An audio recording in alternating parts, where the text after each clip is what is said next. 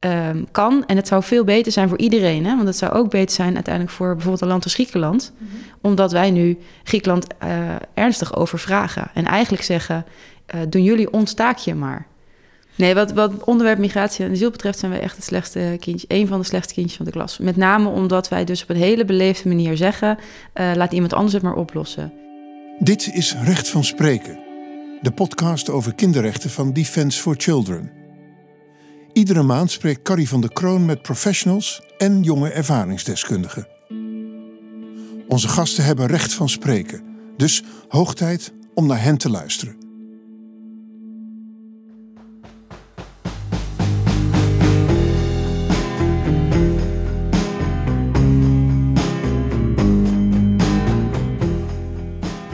Mijn naam is Carrie en na een uh, lange zomerstop zijn we weer terug met een nieuwe aflevering van Recht van Spreken, de podcast van Defence for Children. Vandaag ben ik hier uh, zoals altijd in het Leidse Kinderrechtenhuis. Uh, vandaag heb ik te gast Marieke Koekoek, sinds 31 maart Tweede Kamerlid namens Volt. En mijn collega Veronica Pieshorn, projectcoördinator kinderrechten en migratie bij Defence for Children. In eerdere afleveringen hebben we het gehad over kinderrechten in Nederland. En uh, vandaag ga ik met Marieke en met Veronica in gesprek uitzoomen eigenlijk uh, en kijken naar de Europese situatie, specifiek die van vluchtelingen.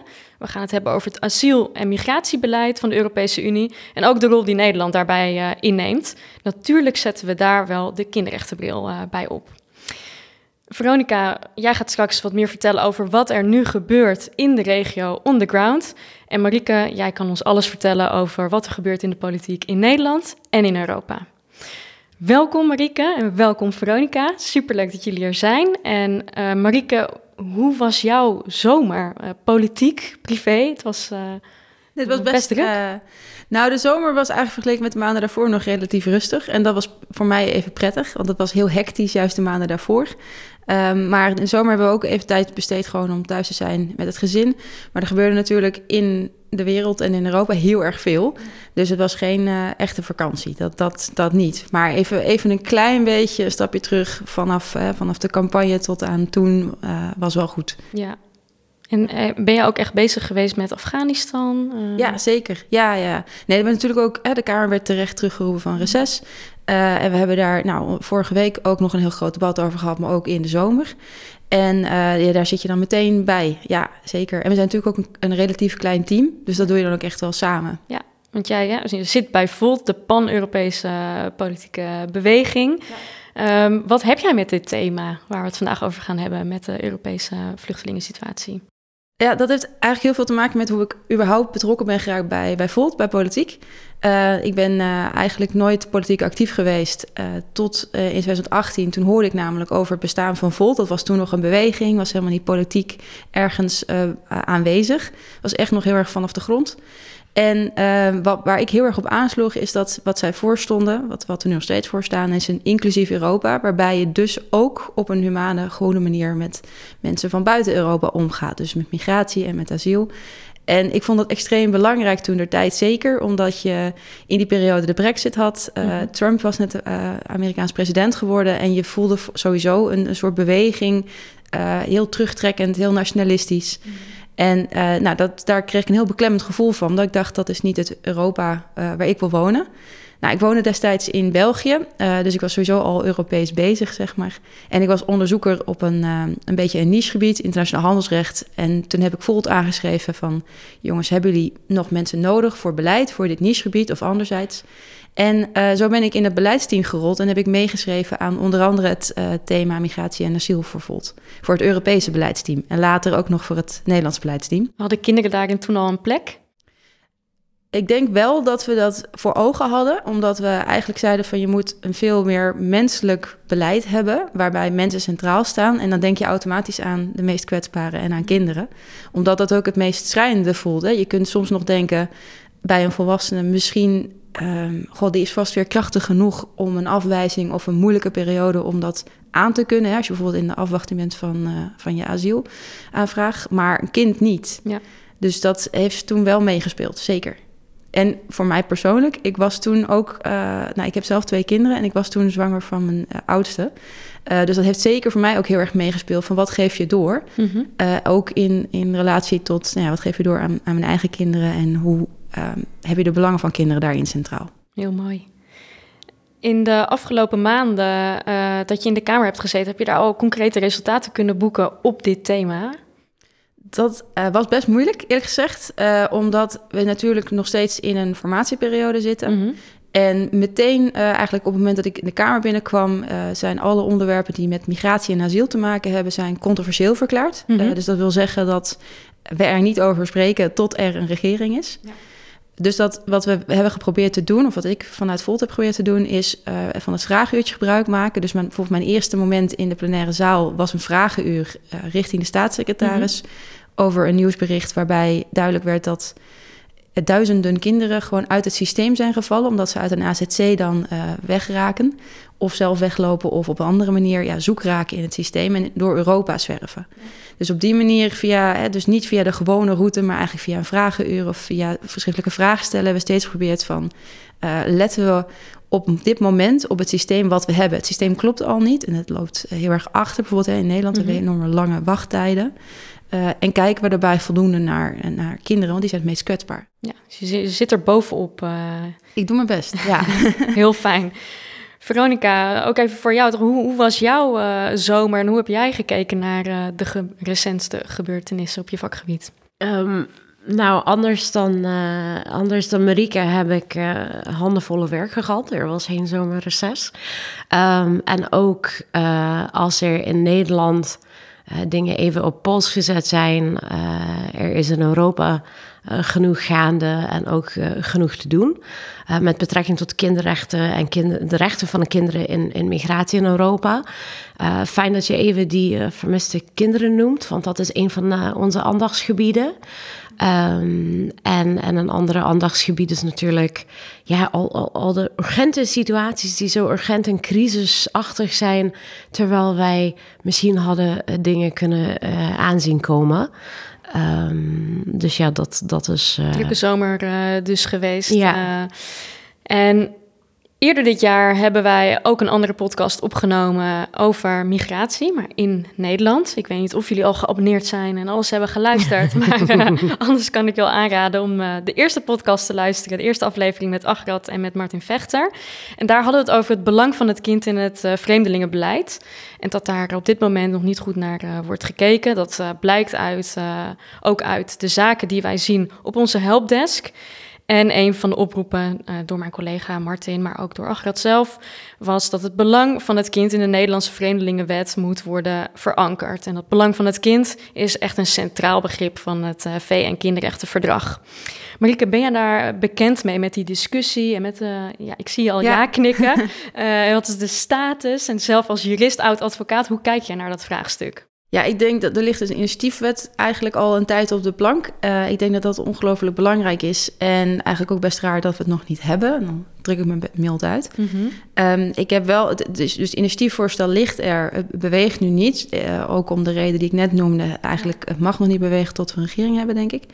Um, en ik, kijk, het is volgens mij als je het zeg maar benadert vanuit en als je met een juristenblik, het lijkt mij heel logisch als je zegt: je hebt internationale verdragen, daar hou je je aan als land. En dat betekent dus dat je het belang van het kind centraal stelt. Ja. Uh, en ik heb het zelf ook voorgehad in een debat um, dat wij vanuit Volt uh, samen met andere partijen een motie hebben ingediend waarbij we vroegen om belang van het kind centraal te stellen in het ambtsbericht. Um, en dat ambtsbericht dat is een uh, notitie van buitenlandse zaken waarbij je dan aangeeft is een land veilig om terug te keren of niet. Ja, en hoe wordt dat gebruikt? Wordt dat door beleidsmakers vervolgens gebruikt of wie? Ja, dus het heeft eigenlijk direct invloed op uh, of uh, een persoon of een kind teruggestuurd kan worden of niet. Dus als een ambtsbericht zegt bijvoorbeeld bij Syrië of Afghanistan dat is een onveilig land, mm -hmm. dan betekent dat voor vanuit de staatssecretaris voor, van migratie en asiel dat je niet teruggestuurd kan worden naar Syrië of Afghanistan. En dat je als je aanvraagt vanuit die twee landen, dat je dan ook gewoon ja. kan blijven.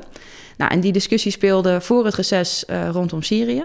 En toen hebben wij ook aangegeven van als je een nieuw ambtsbericht over Syrië gaat schrijven, neem dan dat belang van het kind mee. Uh, waarom? Omdat je dan ook moet kijken naar recht op onderwijs, recht op gezondheidszorg, vanuit echt die blik op het, van het kind. Uh, en dat uh, gebeurt nog onvoldoende. Dus er worden ook nog wel eens delen van het land, dat is bijvoorbeeld bij Afghanistan gebeurd, werd gezegd voorheen, hè, voor de zomer, werd gezegd, nou, delen van het land zijn veilig. En dat betekent dat dus ook kinderen dan teruggestuurd konden worden naar Afghanistan, terwijl we ook weten dat daar niet aan de basisrechten van kinderen wordt voldoen. Mm nou, dus dat wilden we voorkomen eigenlijk bij, bij Syrië. Uh, die moties hebben het toen niet gehaald, helaas. En ik denk dat dat er dus ook mee te maken heeft dat het dat dan niet haalt. Uh, met toch wel de, laten we zeggen, angst die er heerst bij, ook bij een aantal partijen. Om vooral niet te um, ja, lichtzinnig bijna, of althans vanuit die, die partij, de bril van die partijen dan, om te makkelijk te zeggen, ja, je mag blijven. Dus je merkt dat er een soort uh, krampachtigheid hangt omtrent alles wat te maken heeft met asiel en migratie, tot op het punt dat we dus eigenlijk zeggen, ja, internationaal recht um, af en toe als het ons uitkomt. Ja, en nou ja, die, uh, dat initiatief het initiatiefswetsvoorstel ligt dus nog op de plank. De motie heeft het helaas niet gehaald. We wachten nog op een uh, nieuwe regering. Hoe nu verder? Wat kun je doen in de tussentijd? Ja, ja, dat is best ingewikkeld eigenlijk. Ik denk dat um, we een paar dingen zouden kunnen doen. Eén uh, is, hè, want er werd net al gezegd, Europa staat niet stil. Dat klopt. Je hebt het EU-migratiepact, uh, wat nu eigenlijk al onderhandeld wordt, al een tijdje. Ik denk dat dat heel belangrijk is om daar ook echt uh, bovenop te zitten. Vanuit Nederland, vanuit partijen ook die ja. daar die rechten ook hoog in het vaandel hebben. Uh, en dan is het heel belangrijk dat er meer geld gaat naar uh, de IND om medewerkers aan te nemen, zodat die achterstanden echt opgeschoond kunnen worden. Uh, en dat is extreem belangrijk, juist ook voor, voor kinderen. Want als je heel lang in een asielprocedure blijft steken, dan is de kans dat je verhuist bijvoorbeeld van AZC naar AZC en dat je dus van school moet wisselen veel groter. Nou, en dan dat brengt nog allerlei andere problemen met zich mee. Dus dat zijn je nog wel op allerlei grondoorzaken richten, ook al. Ja, ja, ja dat zijn gewoon dingen die, die concreet nu nog kunnen. Ja.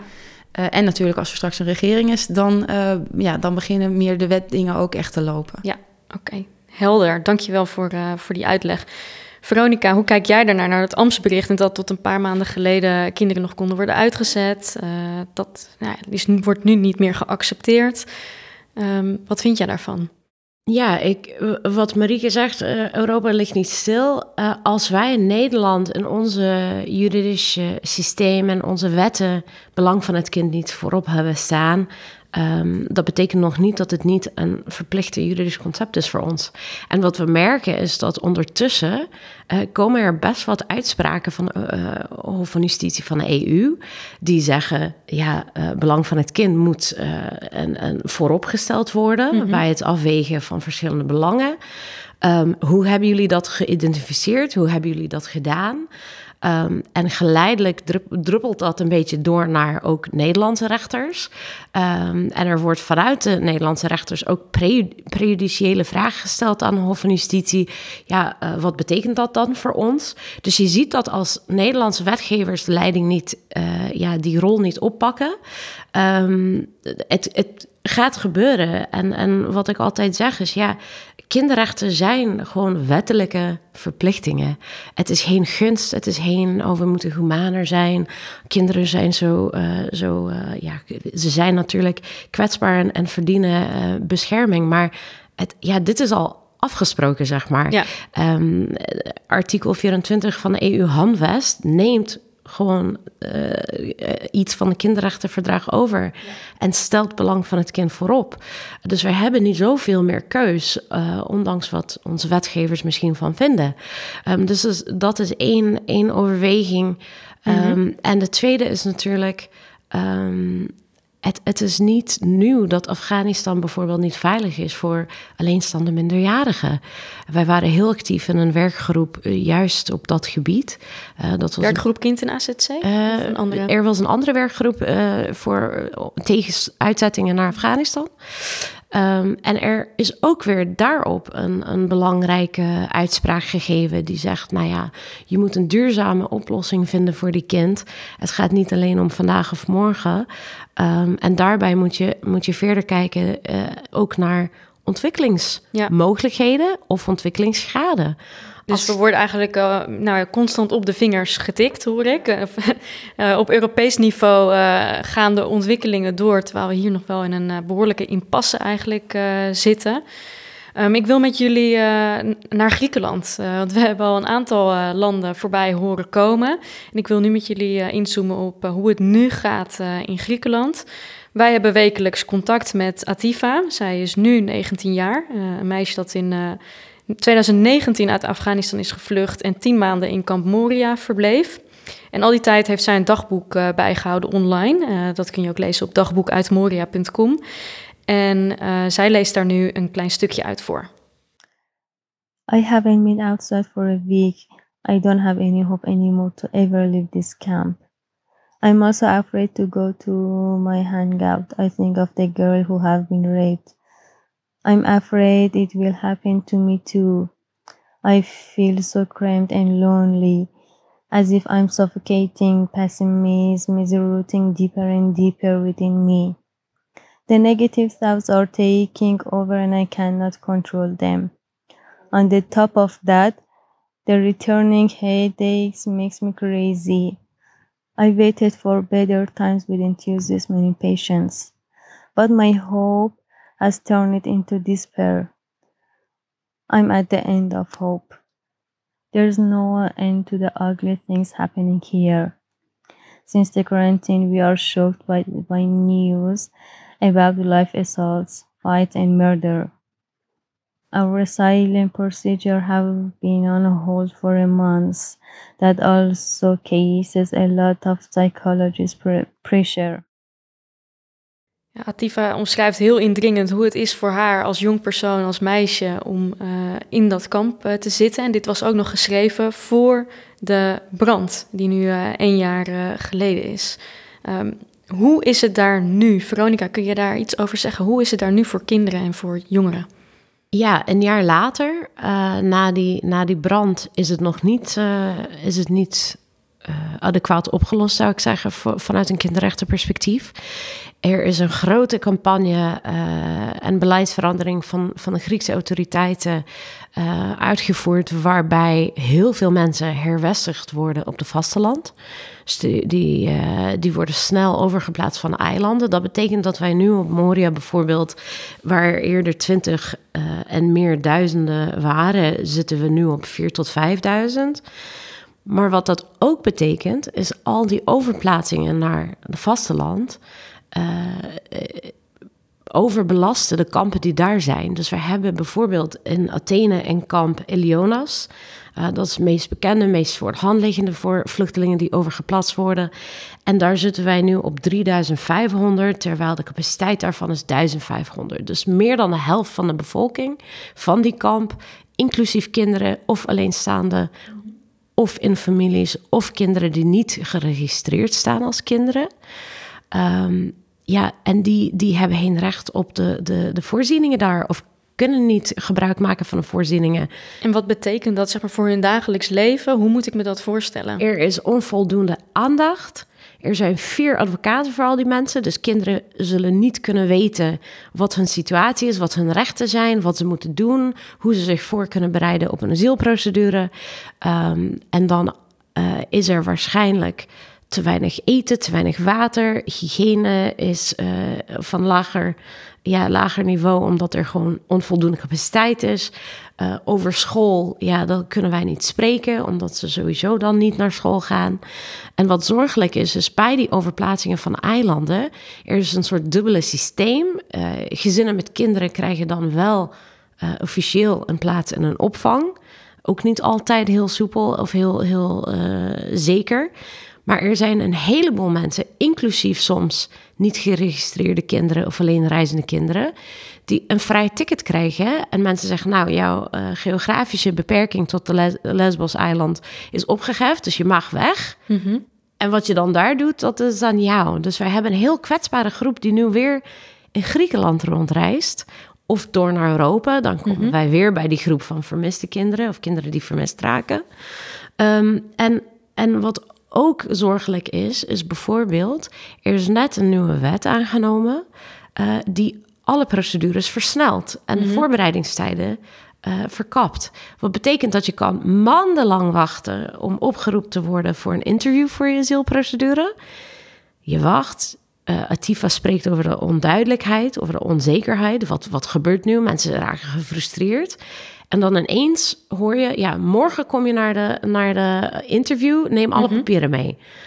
Nou ja, heb jij die klaar? Heb jij je advocaat gesproken? Weet je als kind uh, wat, je, wat je kan en mag zeggen? En word je überhaupt als kind gevraagd naar jouw ervaring en jouw verhaal? Of word je gewoon opgenomen in de situatie van je vader of je moeder? Dus ik hoor eigenlijk dat je dagelijks problemen hebt gewoon met uh, het leven, geen school, uh, hygiëne, et cetera. De basisbehoeften waar echt grote problemen zijn. En issues uh, ook rondom de hele procedure. Ehm, dat dat nog steeds blijvend heel moeilijk is.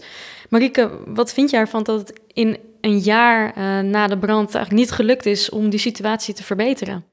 Ja, dat, kijk, voor mij, het, is het, is het dieptepunt van wat je kan bereiken volgens mij als Nederland en als Europa, dat je dat laat voorbestaan. En uh, het was inderdaad een jaar geleden en toen hebben we vanuit Volt ook meegedaan, een grote demonstratie. Ik stond toen ook op Museumplein.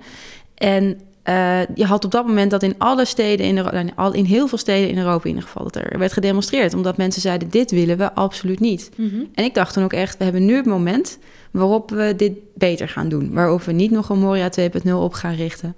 En wat je ziet is een soort tegenstelde beweging, waarbij je inderdaad in Griekenland, maar sowieso meer aan de grens. We, we spenderen ontzettend veel tijd en uh, geld ook aan het oprichten van uh, muren, van prikkeldraad, van nieuwe kampen. In plaats van dat we zeggen, we gaan mensen daadwerkelijk uh, opvangen en mm -hmm. een snelle asielprocedure gunnen. En het ook als, ja, gunnen, het is geen gunst trouwens, gewoon een asielprocedure mm -hmm. ja, garanderen zoals je dat hoort te doen. Uh, en vervolgens zou je dat denk ik ja, met meerdere landen aan moeten pakken. Hè? Want ik denk dat dat nu ook wel, uh, bijvoorbeeld voor Griekenland of voor Italië of Spanje, wordt het steeds moeilijker om, uh, om dit vol te houden. En je ziet daarin dat er dus ook ja, onmenselijke keuzes gemaakt worden. en ik vind dat wat, een, wat dat betreft een, een collectief falen van Europa, waar Nederland mede plichtig aan is. Ja, je vertelde net al wat jij doet in de Kamer om dit ook op de agenda te houden. Heb jij ook bijval van Kamerleden? Ja, zeker wel. Ja, dat scheelt wel. Uh, natuurlijk uh, de, wat de partijen van, van wie het ook wel verwacht, hè, zo GroenLinks en uh, de SP, het Partij voor de Dieren, Bijeen.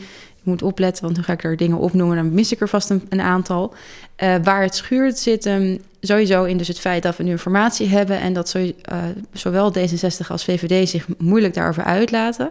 Over het Europese aspect, uh, daar is wel meer discussie nu over mogelijk. En daarin merk je dat van, van, van Volt tot aan de VVD, hè, ook het CDA, iedereen wil wel echt een procedure die werkt.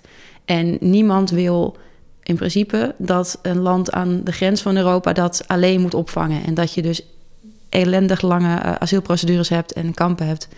Alleen wij kijken naar Europa als bijna een soort schild. Uh, of, of een soort zwaard voor je eigen standpunt, maar net hoe je het bekijkt. En er zit een hele afwachtende houding in, mm -hmm. uh, ook in de Nederlandse, in, in de Kamer. En ik denk dat we daar doorheen moeten breken. Want uiteindelijk is het EU-migratiepact is zo succesvol als de lidstaten het maken. Ja. En daar mag, de, mag wel wat meer pit in, in vanuit de Kamer ook. Dus het verrast niet, maar je pleit voor uh, Europese samenwerking uh, ook op dit uh, thema. Um, Veronica, daar ben jij mee bezig, maar vanuit Defense for Children, dus binnen onze eigen actieradius. Wat doe je daar eigenlijk en wat doet Defense for Children daar? Uh, ik mag vanuit Defense for Children de Europese Helpdesk project uh, coördineren. En dat uh, houdt acht organisaties in in zeven landen. Wij bieden juridische steun en steun bij toegang tot basisrechten aan kinderen in migratie in Europa. Um, daarnaast komen we samen om van elkaar te leren. Om, om met elkaar met die dilemma's te worstelen. Hoe zullen wij dit aanvliegen? Hoe kunnen wij hier beter in worden? Um, en wij bundelen onze krachten ook uh, met betrekking tot advocacy richting Europa. Dus wij kunnen echt vanuit vanuit het veld heel courant informatie en ervaring delen met beleidsmakers. Um, en wat dat praktisch betekent, is dat ik, uh, ik mag praten met mensen in al die landen over hun situaties. En wat we zien is dat de vragen over kinderen en migratie niet zo heel anders zijn in verschillende landen. Um, wij moeten eerst een goede registratie, identificatie en screening systeem opbouwen. Um, en dat gaat om kinderen herkennen. Als je een kind niet niet als kind herkent, kan hij ook niet aan de bijzondere behoeftes voldoen. Ehm, daarnaast ook veiligheid, maar ook toegang tot school, toegang tot medische zorg, inclusief GGZ-zorg. Uh, Médecins Sans Frontières had net een uh, artikel gepubliceerd op hun site over hoeveel kinderen in Griekenland in die kampen te kampen hebben met PTSD vanwege wat daar gebeurt, al dan niet wat op weg is gebeurd of in hun land van herkomst. En dat leidt echt tot echt grote schade voor die kinderen in ontwikkelingen. Um, en, en dat is iets dat je voor je hele leven dan meedraagt als kind. heel fijn dus dat we dit project kunnen doen. Hoe lang doen we dit ook alweer? Al twee jaar, drie jaar geloof ik. Uh, dit is nu het derde jaar. Dit is het derde jaar, inderdaad, met uh, steun van de Nationale Postcode Loterij.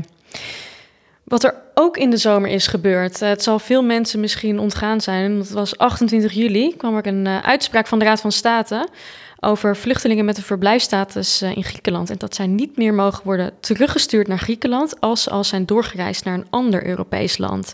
En waarom mag dat niet? Uh, dat mag niet meer, gaf de Raad van State aan, omdat Griekenland geen menswaardige opvang kan bieden. Ik vind dat nogal een heftige boodschap, dat dat binnen Europese uh, grenzen wordt, uh, wordt, aangegeven van we kunnen geen menswaardige opvang bieden, uh, specifiek in Griekenland. We gaan weer even luisteren naar eh, een dagboekfragment van Ativa. My life has changed completely. After we got Greek residence permit, we came under enormous pressure. Every week we received a warning from the government that we had to leave our house. They didn't care that we had no other shelter. So in the end, we decided to go back to the refugee camp. But the camp refused us because we had a residence permit. Due to the residence permit, uh, we are no longer entitled to any facilities. Also, our IDs were not uh, in order. It took 10 days to get our documents. We got on the boat and left for Athens. When we got there, we saw a lot of other people like ourselves. We understood that we were not only ones without shelter. Many other people had the same problem. At night, we had to sleep on the ground in the middle of park. It was one of the hardest nights of my life. My father stayed awake all night as a precaution. We had heard bad stories about children being kidnapped and girls being raped. Veronica, hoe kan dit uh, bestaan? Hoe, hoe komt dit? Ja, omdat wij in Europa een systeem hebben die gebaseerd is uh, ja, op Dublin. Uh, en dat systeem zegt uh, waar de vluchteling eerst aankomt, daar mag je ook en moet hij ook blijven. Mm -hmm. En dat is weer een soort rode lijn die door al die beleidsdocumenten en, en ook praktijk mm -hmm. heen gaat van het is niet mijn probleem, blijf maar in de regio. Maar als je dit hoort, dit dagboekfragment van Atifa, hoe kan het dat we ons niet harder inzetten voor hervestiging van kinderen in Europa? Dat vind ik een, het is een hele moeilijke. Ik, het, het, is namelijk praktisch gewoon mogelijk. Dus daar zit het probleem niet. Het probleem zit hem echt, denk ik, in de politieke wil. De angst inderdaad om zo'n Dublin-regel echt los te laten. Uh, omdat je dan afhankelijk bent van elkaar als lidstaten. En, en inderdaad het gevoel van, ja, uh, we moeten inderdaad humane opvang hebben, maar ik wil er niet voor verantwoordelijk zijn. En ook het gevoel, als ik ervoor verantwoordelijk ben, misschien doet mijn buurland uh, het dan niet. En dat wordt nu ook heel vaak gebruikt als argument om daarin niet op te schieten. Hè? Het idee van, ja, een land als Bulgarije gaat echt niet uh, meewerken. Mm-hmm. En we hebben natuurlijk het probleem in Europa dat je elkaar moeilijk echt aan kan spreken. Je kan alleen dat op een diplomatieke manier doen, maar je kan ja, sancties, je kan landen moeilijk verder bewegen. Dus er is heel veel angst en, en krampachtigheid, terwijl het praktisch um, kan. En het zou veel beter zijn voor iedereen. Hè? Want het zou ook beter zijn uiteindelijk voor bijvoorbeeld een land als Griekenland. Mm-hmm. Omdat wij nu Griekenland uh, ernstig overvragen. En eigenlijk zeggen, uh, doen jullie ons taakje maar. Nee, wat, wat onderwerp migratie en asiel betreft zijn wij echt het slechtste kindje, een van de slechtste kindjes van de klas. Met name omdat wij dus op een hele beleefde manier zeggen, uh, laat iemand anders het maar oplossen. Want Nederland, ook in het EU-migratiepact, maakt zich eerder hard voor opvang in de regio, dus in, in een land als bijvoorbeeld Pakistan, uh, of aan de grenzen van Europa. En beide zijn onacceptabel, want je kan de bescherming van mensen niet garanderen en zeker van kinderen niet. Dus eigenlijk is alles er ook op gericht, constant om die instroom en die doorstroom uh, te beperken in Europa. Ehm, vanaf 2015 zijn we daar geloof ik al mee bezig met uh, het noodhulp en de opvang van de stroom. En ook eind augustus kopte de Volkskrant dat de Europese Commissie bereid is om de portemonnee daarvoor te trekken. Namelijk voor die opvang die jij net noemde in de regio. Als er daardoor maar zo min mogelijk mensen onze kant op komen. Dat uh, afkopen op een nette manier, um, is dat een oplossing, uh, Marike? Nee, nee het, is geen oplossing omdat je uh, sowieso al 80% van de mensen worden opgevangen in de regio. Uh, je vraagt aan derde landen die over het algemeen minder ontwikkeld zijn, hè, gewoon simpelweg arm zijn, vraag je ongelooflijk veel uh, mankracht en middelen. Die hebben ze niet. En dan kan je het als Europa inderdaad proberen af te kopen en te zeggen, nou, ik steun met middelen. Um, maar wat je daarmee ook doet, is eigenlijk zeggen: het interesseert me niet hoe het vergaat met de mensen die daar in procedures vastzitten, in kampen vastzitten, zolang ze maar niet hier komen. Dus je stelt niet de mens centraal, maar je eigen belang. En uiteindelijk Um, en dat vond ik heel mooi wat, wat, wat eerder werd gezegd. Het is geen gunst, het is een, een recht. Ja. En dat lijken we steeds meer te zijn vergeten. En voor heel welvarende landen vind ik dat eigenlijk... Um, nou, ik, ja, een, een, een, zonde bijna. Het is, het is iets mhm. heel vreemds dat je heel welvarend land bent... en zegt, dat recht, daar ga ik aan zitten tweaken alsof het een gunst wordt. Ja, Um, ik wil het ook met jullie hebben over die, de strenge grensbewaking. Um, een van de manieren om dus de instroom ook uh, te beperken. Veronica, wat hoor jij van je collega's uh, in Griekenland daarover? Ik hoorde vanochtend dat de eerste wat gebeurde toen uh, alles losbraakte in Afghanistan... is dat er ineens wel geld en tijd was om een grenshek van 25 kilometer op te bouwen.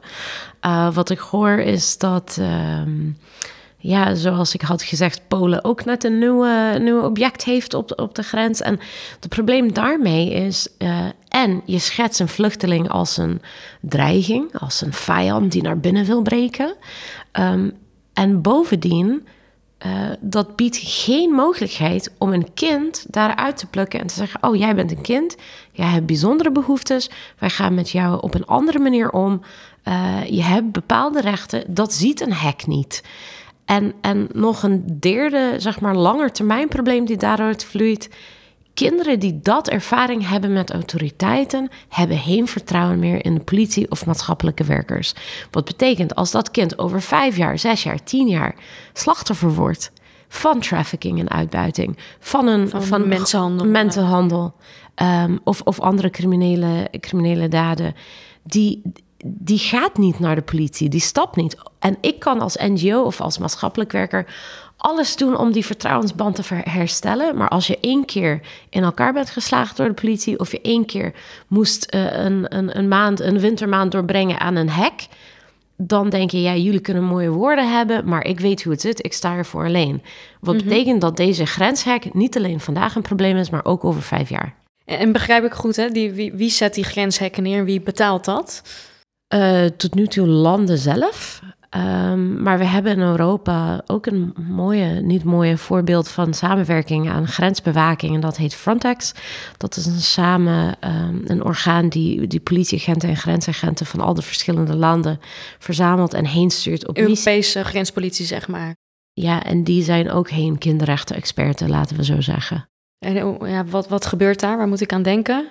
Nou ja, dat is de, de, maar inderdaad de, de, de samenwerkende grenspolitie. Die werkt dan altijd samen met het lidstaat van wie de grens is. Dus dat mm kan Kroatië zijn, Griekenland, Polen. Um, en wat er inderdaad dan vervolgens gebeurt, is dat Frontex uh, het Europese manier is om middelen en mensen te sturen. En um, die zijn erop gericht om, als het goed is, zeg maar, de grensprocedure op mhm. een ordentelijke manier te laten verlopen. Maar wat we nu eigenlijk sinds de zomer weten we het zeker, want er is een onderzoek gedaan, de commissierapport uh, is gepubliceerd en daarin stond ook snoeihard: Frontex doet dat niet. Frontex is er nu voornamelijk op gericht om mensen weg te sturen bij de grens op alle mogelijke manieren.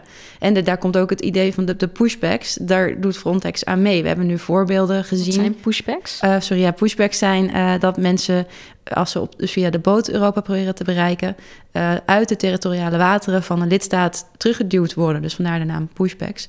Zodat je geen uh, recht op asiel kan vragen. Dus eigenlijk wordt je dat recht ontzegd omdat je uh, het bemoeilijkt wordt, onmogelijk wordt gemaakt om überhaupt die grens van Europa te bereiken. En dat is natuurlijk ook wat een hek doet. Uh, die zegt eigenlijk, hè, met een hek zeg je eigenlijk dat recht wat je hebt, dat heb je dus niet. Want je kan het niet komen vragen. Mm -hmm. um, En Frontex um, wordt, nou, wat ik al zei, wordt al onderzocht. Hè, is, daar is nu een rapport over verschenen. Uh, maar tegelijkertijd uh, hebben de lidstaten ook veel meer geld nu aan Frontex beloofd gegeven. En er is eigenlijk heel weinig controle op. Dus wat je ook merkt is, er wordt een heleboel geld gegeven. Het is onduidelijk aan wat er wordt uitgegeven. En je ziet inderdaad aan de grenzen wel enorme hekken verrijzen. Je ziet dat er bepaalde technologie, technologie zoals drones wordt ingezet. Mm -hmm. Nou, dat wordt allemaal betaald. En uh, wat ik uh, daar het meest moeilijke aan vind, is dat het managementboard van Frontex, dus zeg maar de baas van Frontex, mm -hmm. dat zijn de lidstaten, nou, die hebben niet de verplichting om een soort fundamentele rechtentoets uh, te doen bij iedere inzet van Frontex. Wat dus betekent dat op het moment dat er mensenrechten geschonden worden aan de grens, dat ze daar niet verantwoordelijk voor kunnen worden gehouden. Maar toch even, ja, als juristen, hè, hoe kan dat? Want we hebben gewoon al die verdragen, daar uh, zijn we ook lid van. Hoe kan het dat er een, een soort van Europese grenspolitie dan bestaat, even hè, het toch makkelijk te noemen, die geen rekening daarmee hoeft te houden? Ja, omdat het via, tenminste, op, op papier moet je daar wel rekening mee houden mm -hmm. trouwens. Hè? Dat, dat even voor de ja. duidelijkheid. Um, maar wat er in de praktijk uh, gebeurt, is de, omdat vanwege de samenwerking met lidstaten... Hè, dus een lidstaat zelf uh, zegt eigenlijk... hé, hey, we hebben die inzet daar en daar nu nodig. Um, en dat is natuurlijk de nationale soevereiniteit van de lidstaat. En hoe je dat vervolgens gaat doen... Uh, daar is de lidstaat voor verantwoordelijk. En Frontex sluit daarbij aan in de ondersteuning. Dat is dus hoe het, ja, hoe het hoort. Mm -hmm. Dus als een, een lidstaat bijvoorbeeld... Um, over de grens heen gaat, dan is het niet Frontex, maar de, het land zelf. Ja. En daar zit hem dus de juridische moeilijkheid om mensen verantwoordelijk te stellen. En dan zou je eigenlijk via zo'n managementboard kunnen ingrijpen, maar dat gaat ook weer via de lidstaten, want die zijn onderdeel van zo'n managementboard. En um, dat moet dan maar net gebeuren. En dan moet het dus ook maar aangetoond zijn dat er inderdaad mensenrechteninschendingen hebben plaatsgevonden. En daar zit hem vaak de moeilijkheid, want dat gebeurt dan s'nachts ver weg van mensen die meekijken. Ja. Maar goed, we weten nu zoveel over wat er zeer waarschijnlijk misgaat. Mm -hmm. Dat je volgens mij als lidstaat op een gegeven moment moet zeggen: Ik trek nu mij terug uit deze samenwerking. Totdat gegarandeerd wordt dat je die schendingen niet meer plaats laat vinden. En dat de mensen die daar verantwoordelijk voor zijn, ook via een rechter of via een arbitragecommissie, ja. Uh, ja, daarvoor verantwoordelijk worden gehouden. Ja, als het zo duidelijk is, hè, wegkijken kan dan op een gegeven moment uh, niet meer, zou je kunnen zeggen. Marieke, je noemde net al een aantal keer het uh, uh, EU-migratiepact. Uh, er wordt dus op EU-niveau gesproken over een beleid waar jij ook heel erg voor bent. Dus ben jij blij daarmee? en wat is de stand van zaken? Nou ja, uh, dus de stand van zaken is dat het EU-migratiepact, het mandaat daarvoor, dat be beslecht eigenlijk een aantal onderwerpen. Dus een solidariteitsmechanisme waarbij dan landen in de EU onderling uh, mensen evenredig zouden verdelen. En hoe ga je om met de grens van Europa? Uh, en hoe ga je om met bijvoorbeeld opvang in de regio? Dus dat zijn op een aantal onderdelen ja. dat dat pact toeziet. Wat niet loopt, is dat solidariteitsmechanisme. En daar, uh, daardoor ben ik uiteindelijk niet blij met de voortgang van het EU-migratiepact. Want wat je nu ziet gebeuren, is dat eigenlijk ook vanuit weer die angst van hè, we moeten de vluchtelingen als vijand zien en die moeten we zoveel mogelijk buiten houden. Uh, dat landen wel vooruitkomen in de onderhandelingen wanneer het gaat over opvang in de regio. En absoluut niet wanneer het uh, gaat over de verantwoordelijkheid van Europa. En hoe je op mensen en dus ook kinderen op een goede manier behandelt. Want uiteindelijk is dat wat mij betreft de toegevoegde waarde. Dat je zegt, die, die, die grensbewaking en hoe we vervolgens als Europa die solidariteit uh, in gaan vullen. Uh, daar is dat migratiepact voor. Ja. Het is eigenlijk hè, goed dat er uh, een, een, pact komt, goed om hierop samen te werken. Maar de invulling is wel weer eigenlijk vanuit het hele negatieve mensbeeld. Absoluut, ja. En het is uiteindelijk daardoor, wat mij betreft ook, uh, een pact is niet per se beter dan geen pact. Het gaat heel erg om die invulling. En wat ik daarin lastig vond, is dat het pact uh, veel onderhandeld is, ook in de zomer. Terwijl dus iedereen of op vakantie was of met andere dingen bezig is geweest. En het heeft in Nederland heeft het bijna geen uh, aandacht gekregen. Uh, vanuit de Kamer was het ook heel moeilijk om daar echt invloed op, op uit te oefenen. Um, terwijl dan de Europese Commissie uiteindelijk wel een soort positief bericht naar buiten heeft gebracht van kijk eens, wij werken samen als lidstaten op dit ongelooflijk moeilijke onderwerp. En daar werd ik dus uiteindelijk niet blij van, dat ik dacht, de samenwerking op zichzelf moet een soort basis zijn. Het moet niet iets zijn waar je applaus om krijgt. Het gaat om de inhoud van dat pact. Ja, helder. Veronica, jij hebt ook uh, dit pact bestudeerd, denk ik, over de zomer. uh, hoe kijk jij uh, ernaar vanuit kinderrechtenperspectief? Ja, op een soortgelijke manier heel dubbelzinnig. Aan de ene kant is er heel fijn, uh, heel expliciet, zwart op wit, zijn kinderrechten vaker op verschillende uh, plekken genoemd in die, in die voorstellen. Um, echter zien we dat er structurele problemen blijven. Eén ehm, is natuurlijk het, het, vasthouden aan opvang in de regio en, en, en dat soort. Uh, dat staat in het pact. Dat, dat, dat nog steeds ook, het ja. uitgangspunt wat, is. Wat ze hebben nu voorgesteld is dat alle vluchtelingen aan de buitengrens worden aangehouden en daar een soort selectie gedaan wordt. En de mensen die een kansrijk uh, asielverhaal hebben, mogen naar binnen. Uh, en daarbij zijn gezinnen met kinderen tot 12 uitzonderlijk. Uh, en, en, en ook alleen, alleen reizende kinderen zonder begeleiding van hun ouders of, of andere vertegenwoordigers. Maar dat betekent tegelijkertijd dat kinderen van 12 tot 18, die net zo goed kinderen zijn, die met hun gezin samen reizen, worden gedetineerd. Die blijven aan de grens, die worden vastgezet. Um, hun, hun beweging wordt beperkt. Ze hebben dan op dat moment waarschijnlijk geen toegang tot school of andere kindspecifieke uh, activiteiten, die wel noodzakelijk zijn en ook juridisch verplicht zijn. Dus wij komen weer in een soort catch-22 systeem. Aan de ene kant wordt het, uh, ja, de, de, declaraties zijn heel mooi en, en, en erkenning van kinderrechten is heel mooi. Dus ik ben daar heel blij mee om dat te zien. Want hoe vaker het gebeurt, hoe, hoe serieuzer het genomen wordt. En tegelijkertijd zien we dat een grote groep kinderen gewoon weer in detentie komt. En dan denk ik, ja, hoe, hoe kan dat? En als wij het over hebben met beleidsmakers, en dan bedoel ik niet ik persoonlijk, maar gewoon mensen uit deze circuit, mijn collega's bij andere NGO's of mijn partners bij uh, grotere samenwerkingsprojecten, die zeggen: als wij dat noemen, onze zorgen over de detentie van kinderen van 12 tot 18 in gezinnen, zeggen ze: nou, blij wezen dat, die dat, dat wij tenminste de anderen hebben uitgelaten. Want het kan nog erger. En dan denk ik: jee, dat is echt een cynische aanpak. Maar begrijp ik ook goed eigenlijk dat uh, dit pact zoals het er nu ligt, de kinderrechtentoets nooit zou kunnen doorstaan? Als, als ik de toets uitvoer, dan niet. Maar een onafhankelijke rechter? nee, ja, het, het, is, ik, ik zou, ja, weet je wat het ook is? Het is zo ver van wat uiteindelijk gaat gebeuren. Um, die onderhandelingen, ja, die onderhandelingen lopen. Het is allemaal heel achter gesloten deuren. Niemand weet precies wat nu de inhoud gaat worden. Het, ja, het, dus het kan nog veranderen. Het kan nog veranderen. Ik hoop dat een aantal punten heel grote veranderingen uh, meekrijgen.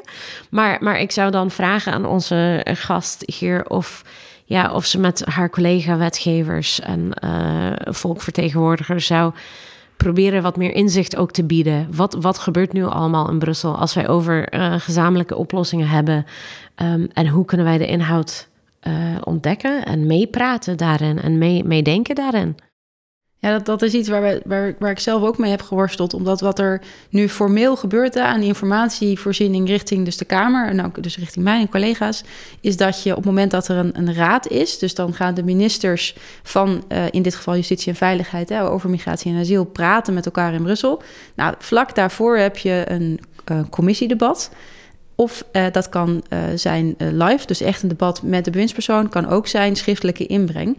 En wat we zagen met rondom EU-migratiepact... is dat die schriftelijke inbreng... dus het werd sowieso geen echt debat, maar schriftelijke inbreng. En die werd gevraagd één of twee dagen voordat die raad daadwerkelijk plaats zou vinden.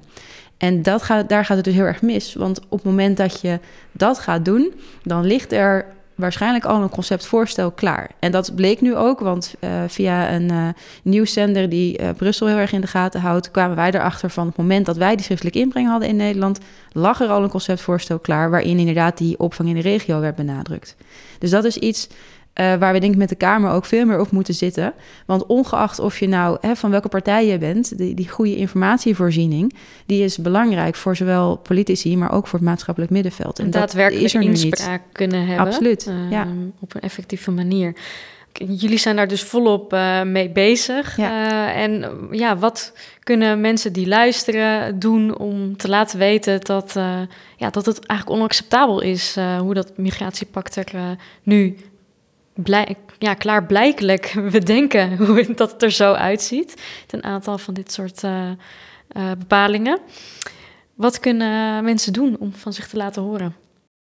Ja, ik moet even nadenken, want het is moeilijk om, om iets groots altijd te beïnvloeden, hè? Vanaf, uh, vanaf gewoon één land. Ik denk dat het belangrijkste is, zoals we toen ook deden toen Moria afbrandde eigenlijk, dat je daar uh, steeds laat merken van dit willen we dus niet. Want um, heel vaak wordt het argument gegeven van ja, uh, jongens, we willen best wel humaan migratiebeleid en asielbeleid, maar er is geen draagvlak. En dan wordt er verwezen naar ook de manier waarop er ook onder andere in de Kamer wordt gesproken over mensen. En ik denk dat het ongelooflijk belangrijk is laten, laten zien, er is wel draagvlak. Um, en dat is er ook. Waarom? Omdat asiel en migratie zijn verschillende dingen. En over het algemeen, als je met mensen spreekt, uh, dat heb ik zelf ook uh, meegemaakt. En je gaat dus vertellen over hoe het voor een kind is of hoe het voor een gezin is. Iedereen snapt dat. Dus je hebt heel veel empathie. Alleen um, dat verwatert op momenten dat, dan, dat we gaan spreken over beleid. Ja. En dat is dus heel belangrijk dat we net als uh, toen Moria afbranden laten weten van dit is niet het Europa en Nederland dat we willen zijn. En het gaat over concreet mensen. En het gaat over mensen, precies. Ja, het is ver weg en dan is het makkelijker om uh, weg te kijken. Ja. En het zijn niet de statistieken en protocollen waar je achter moet verschuilen. Het is gewoon praktisch inderdaad van waar slaapt een kind vanavond? Ja. Waar gaat het morgen naar school? Waar heeft het eten? Uh, en dat snappen de meeste mensen. Daar is echt het draagvlak wel voor. En dan moet je je niet laten afleiden door uh, politici of door bepaalde narratieven die worden verteld over dat vijandbeeld wat wordt gecreëerd. En daar zijn we, zeker ook in Nederland, uh, mag dat echt wel heel veel actiever. En daar, dus daar kunnen mensen zelf ook heel veel aan doen. We zijn nu nog in afwachting van een uh, regeerakkoord. En zowel Defense for Children als Volt pleiten voor een humaner vluchtelingenbeleid. En willen dat dat uh, wordt opgenomen in het regeerakkoord. Uh, dat is natuurlijk heel makkelijk opgeschreven of gezegd. Maar wat betekent dat nu daadwerkelijk volgens jullie? Marike, wat betekent een humaan vluchtelingenbeleid volgens Volt? Nou ja, het, ik denk dat als je het stapje voor stapje even aanpakt. Hè, dus dat zou betekenen in Nederland dat je de. Wij, wij zijn structureel te lang in asielprocedures. Dus dat je dat, die achterstand wegwerkt, dan los je een heleboel dingen, ook specifiek voor kinderen, los je dan al op. Mhm. Hè, dat je van uh, ACC naar AC moet verhuizen enzovoort. Uh, dat betekent ook dat onze inzet in dat migratiepak, dat dat veel uh, actiever dat belang van het kind gaat nastreven. En dat je daarin uh, dus ook aangeeft, hè, die opvang in de regio, dat mag een onderdeel zijn eventueel. Maar wat we in Europa doen, is wordt veel belangrijker.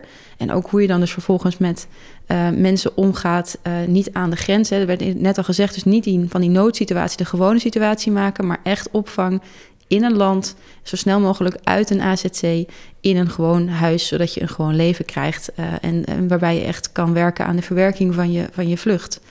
Um, dat zou denk ik al twee enorme stappen zijn op dit moment, eerlijk gezegd.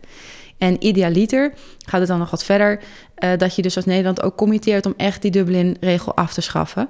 En uiteraard dus ook uh, richting Frontex duidelijke grenzen aan te geven en veel duidelijker die verantwoordelijkheid te eisen. Uh, en met name wanneer het dus gaat om kinderen of alleenstaande minderjarigen. Dat, dat zouden al vier dingen zijn en die zijn moeilijk genoeg, denk ik, op ja, dit moment. Een, een duidelijke wensenlijst ook, waarbij uh, nou ja, eigenlijk de root causes, echt de grondoorzaken uh, van het uh, onhuma, inhumane beleid uh, kunnen worden aangepakt. Um, Veronica, hoe kijk jij naar, uh, of hoe kijkt Defense for Children naar een humaner vluchtelingenbeleid? Uh, Marike schudde al even vier uh, wensen uit de mouw.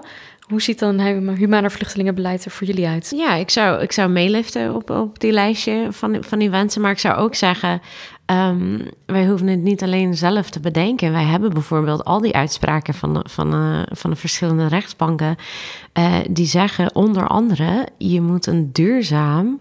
Uh, oplossing bieden aan een, aan een kind die reist uh, naar of door Europa. En dat betekent niet alleen laten sudderen tot hij 18 is en dan uitzetten zonder meer. Want dan is hij geen kind meer, heeft hij geen, geen bijzondere rechten. Um, maar echt vanaf het begin. Um, en, en wat ik ook zou willen is die stem van kinderen uh, vaker en sterker horen. En dat gaat vanaf beleid bedenken en ontwikkelen maar ook tot en met individuele interviews met, met gezinnen. Um, denk aan een dochter die uitgehuwelijkt wordt aan iemand in haar gemeenschap. Uh, maar niet asiel zou krijgen vanwege haar vaders politieke activiteiten, die misschien niet geloof zijn. En als je niet vraagt naar die kind haar verhaal, zou ze ook geen bescherming krijgen. Dus wij mm -hmm. moeten vanaf het hoogste niveau tot een, tot een met de meest micro-individuele niveau. Echt spreken met de kinderen zelf, natuurlijk op gepaste manier.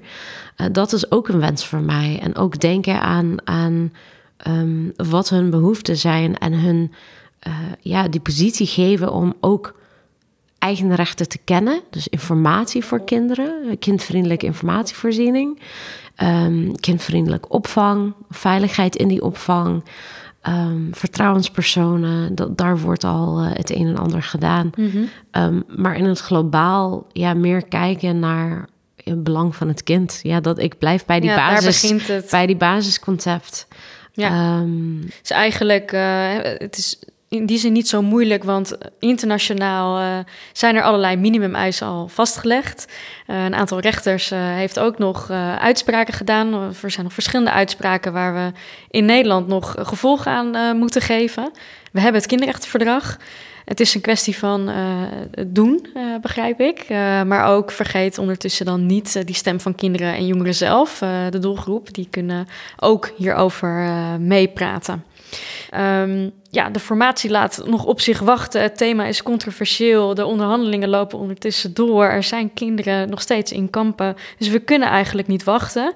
Vorig jaar is de petitie aangeboden op 29 september door Defense for Children, Vluchtelingenwerk Nederland en Stichting Vluchteling. Op het plein in Den Haag. Haal kinderen uit de kampen. Haal 500 kinderen uit de kampen. En er waren ontzettend veel uh, steunbetuigingen, zowel van individuele mensen in Nederland als ook uh, Nederlandse gemeenten. We zijn nu een jaar verder. Um, is hier nog aandacht voor? Uh, weten mensen dit nog? En zijn er nog mensen die zich hier hard voor maken? Nou, in de, in, de, in de Kamer wel. En tegelijkertijd is het moeilijk om die aandacht vast te houden. Ook omdat uh, vanuit de regering volgens mij is eigenlijk de boodschap gekomen van... wij hebben aan de zogenaamde deal voldaan. Uh, terwijl er eigenlijk maar twee kinderen echt opgehaald zijn. Um, dus wat mij betreft is die deal helemaal niet voldaan. Maar dat is wel de boodschap. En daardoor is het wat weggezonken, denk ik. En mm -hmm. ik denk dat het wat, wat ik nu bijvoorbeeld zie gebeuren... nu het één jaar na die dag is... Uh, dat het weer opleeft. En ik denk dat dat extreem belangrijk is. Want ja, het gaat snel uit je, het verdwijnt snel uit je hoofd. Ook omdat er eigenlijk bijna iedere dag wel iets gebeurt rondom uh, asiel in Europa, ja. waarbij je denkt: wat, ja, wat gebeurt hier? Wat erg.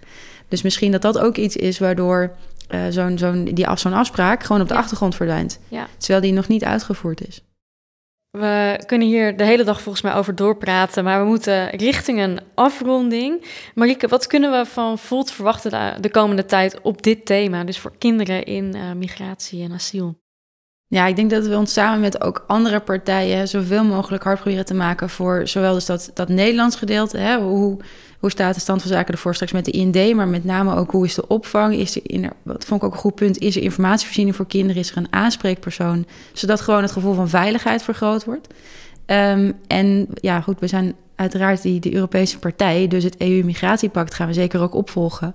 Uh, ik heb ook vaak contact met het Europese team hierover, zodat je juist ook bijvoorbeeld de informatie die je heel hard nodig hebt, dat je die ook op tijd krijgt en ook dus daarna weer vanuit het nationaal parlement kan zeggen, dit is het mandaat of dit zou ik graag vertegenwoordigd willen zien.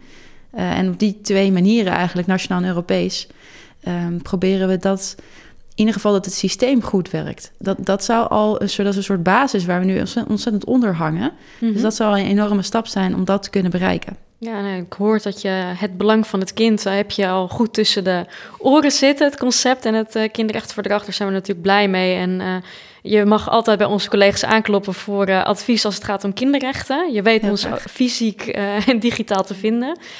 Marieke en Veronica, ik wil jullie hartstikke bedanken. Jullie hebben ons uh, weer even goed herinnerd aan het feit dat kinderrechten ook echt daadwerkelijk rechten zijn en geen gunst. Dat uh, wordt in het debat nog wel eens uh, gesuggereerd of wordt nog wel eens vergeten. helder verhaal, daar blijven we ons voor inzetten. Dat het ook daadwerkelijk praktijk wordt, die rechten. Niet alleen maar rechten op papier. Mocht je willen reageren als luisteraar op deze podcast of uh, vragen willen stellen, dan vinden we dat hartstikke leuk. En dat kun je doen door te mailen naar podcast@defenseforchildren.nl. Marieke en Veronica, heel graag tot de volgende keer. En uh, voor onze luisteraars natuurlijk ook.